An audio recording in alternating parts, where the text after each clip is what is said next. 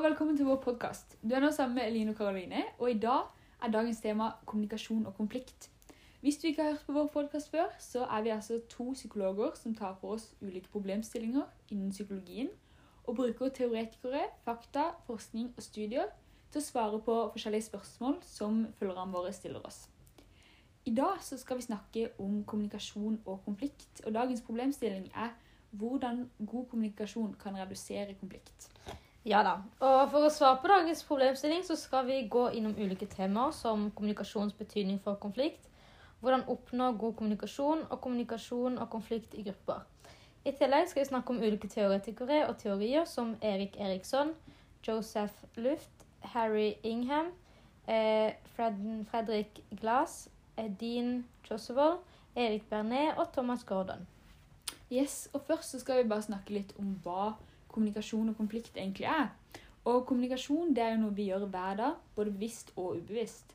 Og kommunikasjon er da måten vi sender et budskap til hverandre på. Det kan være både verbalt og ikke verbalt. F.eks. er verbal kommunikasjon hvis eh, jeg hadde sett Karoline på bussen og jeg hadde sagt 'Hei, her er det ledig, vil sette deg her'. Eh, I samme situasjon så ville ikke verbal kommunikasjon vært å kanskje flytte sekken min og smile til henne. Ja, Eh, og måten vi kommuniserer på, har en sentral plass i hvordan vi oppfatter samtaler og andres eh, reaksjoner på.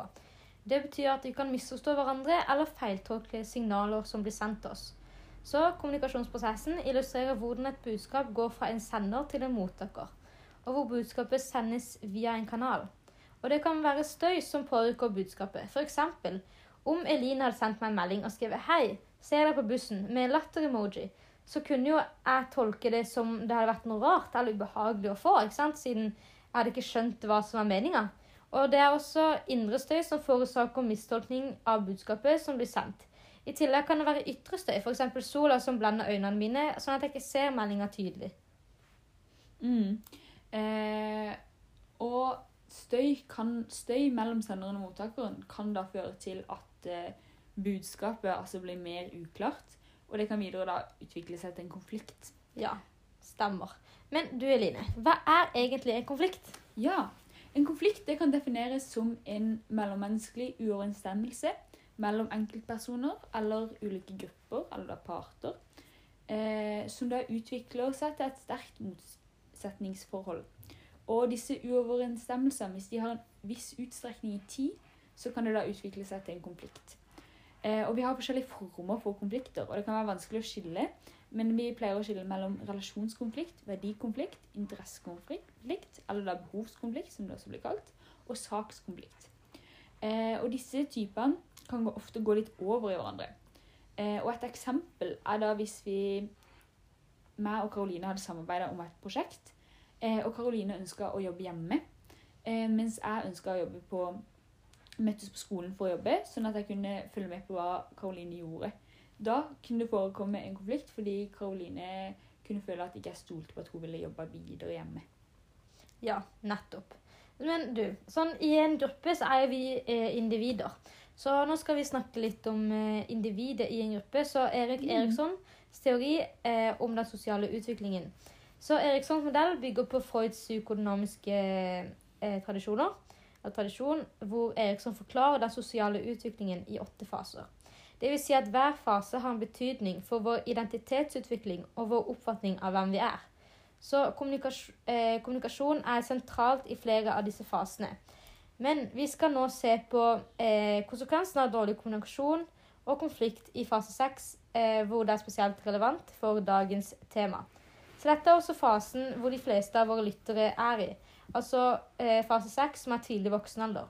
Og her står det mellom nær eh, relasjon eller isolasjon, hvor identiteten er grunnlagt og man er klar for vennskap og kjærlighet på dypere plan. Likevel avhenger dette av tidligere erfaringer. Så konsekvensen av dårlig kommunikasjon er spesielt sentralt i denne fasen, hvor et individ har vanskeligheter for å mm. kommunisere eller kommunikasjon mellom to parter ikke, kan, eller ikke fungerer bra. Så kan det føre til eh, konflikter, eller hva? Ja, Eh, og disse konfliktene kan da videre føre til at det er vanskelig å inngå dype relasjoner og nære forhold.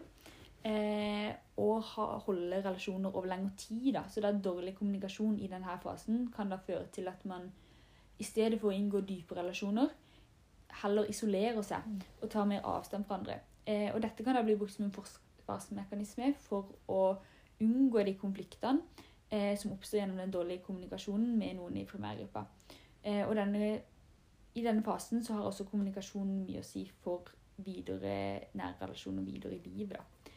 Eh, men eh, har du noen tips egentlig på god kommunikasjon? Ja, altså først og fremst så betyr det at eh, konflikten kan unngås hvis det er god kommunikasjon mellom partene. F.eks.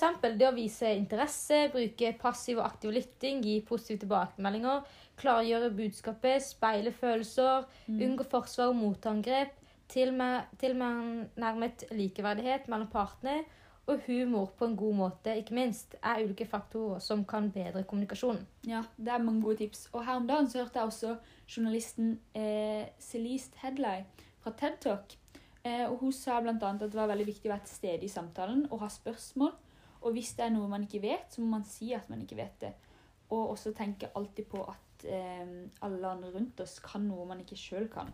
Og slik som eh, Gregory Bateson sa det, all kommunikasjon handler ikke bare om innholdet, men også noe om relasjonen mellom de som eh, kommuniserer. da. Ja, nettopp. Klok mann. Absolutt. Så konflikter utvikler seg over tid. Så konflikttrappen er en modell som beskriver hvordan konflikter utvikler seg. Og gjennom syv trinn der konfliktnivået gradvis øker. Modellen ble presentert av den østerrikske forskeren Fredrik Glass i 1980. Så videre skal jeg forklare kommunikasjon og konflikter i gruppe ved bruk av konflikttrappen. Så vi spurte våre følgere på Instagram tidligere denne uka om dere hadde noen eksempler på noen gruppekonflikter i livet. Og vi har fått inn flere svar. Likevel er det en type gruppekonflikt som, som går igjen her, nemlig konflikt i russegruppa. Ja da, vi har nok eh, begge to eh, en god tid å huske på der i russetida, og vi kan Ja, kjenne oss igjen eh, at det, det var en del uenigheter, altså Det det. i russetida. Men i dag er det jo enda mer å ta stilling til. Det er jo liksom spørsmål om van og buss og alt dette med navnet og konsept og hele pakka. Så det er, det er, mye, er mye her, altså. Så vi skal forklare da utviklingen av konflikter gjennom konflikttrappa. Ja, og da kan vi da begynne på første trinn. Og her er det veldig mange som lurer på hva det egentlig er som går galt. Eh, og på første trinn, det er her det oppstår uenigheter, og de kan ofte løses uten særlig mye diskusjon. Og det kan her være positivt med litt uenigheter og uoverensstemmeligheter, fordi det da kan føre til at man ser flere ulike synspunkter, hører mer på hverandre og respekterer hverandre mer. Ja, nettopp. Eh, og dette kan vi også se ut fra Johares vindu, hvor det vil være stor hjelp da, hvis begge partene har store åpne felt Mm. i det de deler, og i kommunikasjonen sin. Og Det betyr da at den beste kommunikasjonen kommer hvis partene er åpne. Og Dette illustreres da i Johares vindu, eh, som er utvikla av to amerikanske psykologer, nemlig Joseph Luft og Harry Ingham. Eh, vinduene kan være i ulik størrelse, avhengig av hvilke personer og personligheten deres. Og gjennom dette vil individene ha åpenhet rundt det de tenker, opplever og føler. Og Dermed kan konflikten bli løst før den utvikler seg videre.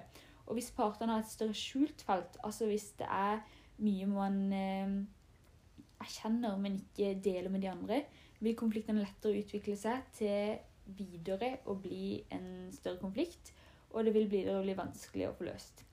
F.eks. hvis en i gru- russegruppa holder alle sine meninger til seg sjøl, men reagerer med ikke-verbal kommunikasjon, som gjennom kroppsspråk eller irritasjon for de andre sine forslag. Og hvis eh, det ikke skjer at man klarer å løse konflikten her, så vil det da gå videre til neste steg. Ja, ikke sant. Ja, det her det begynner å bli varmt, altså. Fordi her kommer vi opp til gult nivå, eh, som også kalles, eh, eller som er fra strek to til fire. Og her kan det være redusert samtale.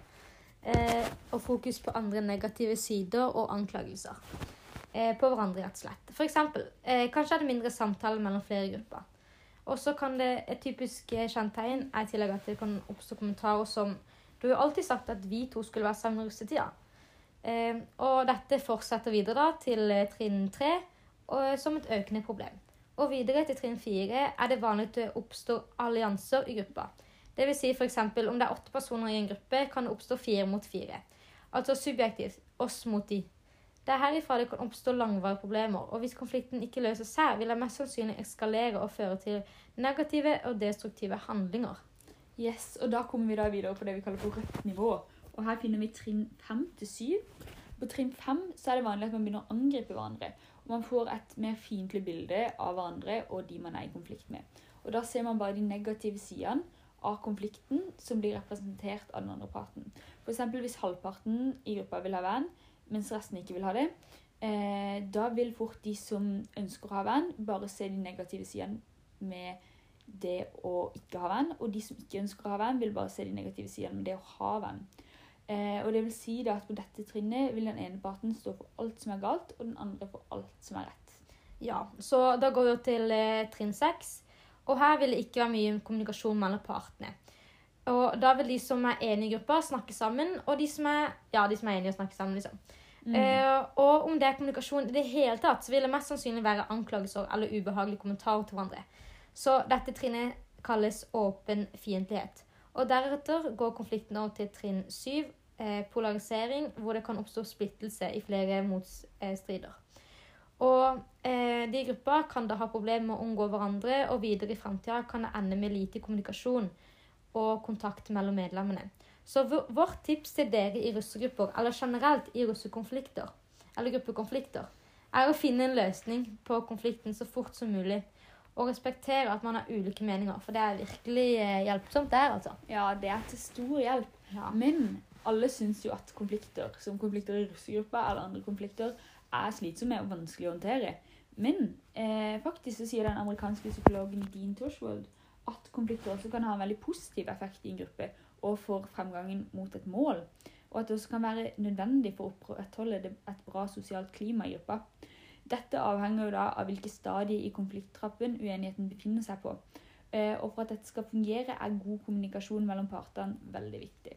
I en russegruppe er det f.eks. viktig at alle opplever at de, det de mener, har betydning for hvordan konflikten håndteres og løses. Det er også viktig at man hører på hverandre og diskuterer tanker rundt problemet, fordi det gir en klarere forståelse av hva konflikten egentlig handler om. Ja, nettopp. Så hvis det er noen som ikke får deltatt eller delt sine frustrasjoner, er det ikke likevekt mellom medlemmene i gruppa i taletid. Og det kan eh, føre til at man føler seg urettferdig behandlet og i en liten grad eh, støtte opp mot løsningen.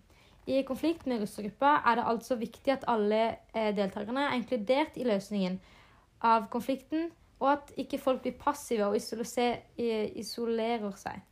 Gjennom mm. dette vil lojaliteten i gruppa eh, helhet øke. da. Eh, og det vil da bli en større sosial trygghet, og det vil ha en positiv drivkraft i gruppa. Altså kan konflikter ha en positiv innvirkning på den sosiale klimaet og fremgang i en gruppe, dersom kommunikasjonen mellom de ulike partene er god. Mm. Og, men man må også ta hensyn til ulike kulturell påvirkning på de forskjellige folkene i gruppa. Ja. Jeg leste mm. faktisk på psykologisk.no en artikkel denne uka om krysskulturell kommunikasjon. Og da nevnte artikkelen at det er viktig å ta hensyn til de ulike kulturene i gruppa hvor det i møte med ulike kulturelle grupper kan oppstå konflikt fordi man har ulik tolkning og assosiasjoner av den verbale kommunikasjonen. F.eks. hvor munn sier ja, men våre øyne sier nei. Ja. Eh, så den betydningen eh, som en gruppe mennesker innenfor samme kulturens tillegger eller assosierer med, i tillegg til den, eh, den notasjonen som er den vanlige og konkrete forståelsen av ordet, som kalles eh, donatasjon. Så ulike grupper eller individer i den samme gruppe kan ha ulik eh, eh, konnotasjon til samme ord eller uttrykk, og dette kan føre til misforståelser og konflikter. Yes. Eh, videre, når man da snakker om kommunikasjon i grupper, så handler det veldig ofte om å ta hensyn til hverandre og om å respektere hverandre. Og i tillegg eh, til å kommunisere på en slik måte at alle partene kan forstå det man snakker om. Derfor kan det ved hjelp av transaksjonsanalysen, utviklet av Eric Byrne, Bernie fra 1960-årene, eh, illustrere at vi mennesker har tre ulike jeg-tilstander som vi inngår i. Dette er det barnejeget, voksenjeget og foreldrejeget. Og det vil si at hvis en eller flere av partene velger feil jeg-tilstand, får vi en kryssende transaksjon. Og det fører da til at kommunikasjonen blir dårlig. Og denne metoden kan vi bruke for å bli klar over vår egen måte å kommunisere på, og også da øke muligheten for å få en bedre kommunikasjon. ikke sant? Ja. Så likevel havner vi ubevisst i en rolle avhengig av situasjonen. Så for eksempel, du er på en skitur med venner, eh, hvor det kan oppstå at noen tar ansvar for å finne passende løype for alle, som er voksen jeg er. Andre passer på at de som skal på skitur, har utstyret de trenger, foreldrejeget. Mens andre er avhengig av å få hjelp fra venner for å finne ut hva de skal gå med til det passende været. Hvor det representerer barnejeget. I en slik situasjon kan det oppstå misforståelser og ulike tolkninger ut fra hvilket jeg-tilstand de representerer. Yes. Og da kan det være lurt å snakke om hvordan man kommuniserer med hverandre, rett og slett. Og dette kalles jo da metakommunikasjon. Og spesielt i grupper er dette viktig, for da er det en større samspillsfaktor. Eh, men Thomas Gordon har jo også noen teorier på hvordan man da skal løse en konflikt, hvis man eh, først kommer igjen. Ja. Absolutt. Så han la frem strategier for konfliktløsningen, og han delte dette inn i tre ulike stadier. Vinn-tap-strategien, tap-vinn-strategien og vinn-vinn-strategien. Og det er anbefalt å bruke den tredje stadiet mest mulig, altså vinn-vinn-strategien, hvor begge partene aksepterer en løsning som er tilfredsstillende for dem. Ja, så det vi har kommet fram til i dag, er rett og slett at dårlig kommu- kommunikasjon generelt gjør at konflikter lettere eskalerer og utvikler seg. Og kommunikasjonsprosessen kan påvirkes av både indre og ytre støy, som gjør at budskapet mistolkes. Eh, og i den åttende fasen i Erikssons utviklingsøkologiske modell, som er tidlig voksen alder, som de fleste av dere er i, så kan dårlig kommunikasjon rett og slett føre til isolasjon. Eh, mens god kommunikasjon mellom partene er veldig viktig, eh, og det er viktig å være et sted i samtaler. Eh, og konflikter utvikler seg, kan ses gjennom konflikttrappa, eh, hvor da et stort åpent felt mellom partene eh, vil gjøre at konflikten tidligere kan løses. Ja. Men konflikter er ikke alltid negativt, og gjennom god kommunikasjon kan en konflikt ha positiv innvirkning på det sosiale klimaet i en gruppe. Det er også viktig å være bevisst på hvordan man kommuniserer, og metakommunikasjon kan føre til at flere konflikter unngått, er, blir unngått. Og ved hjelp av transaksjonsanalyse kan noen konflikter også forklares gjennom å se på hvilke jeg-tilstander partene inngår. Ja, så det var alt for i dag. Tusen takk for i dag. Eh, vi gleder oss allerede til neste episode. Følg med på oss på våre sosiale medier, eh, hvor dere kan være med på å stille spørsmål og komme med ulike problemstillinger for neste episode. Yes. Ha det godt!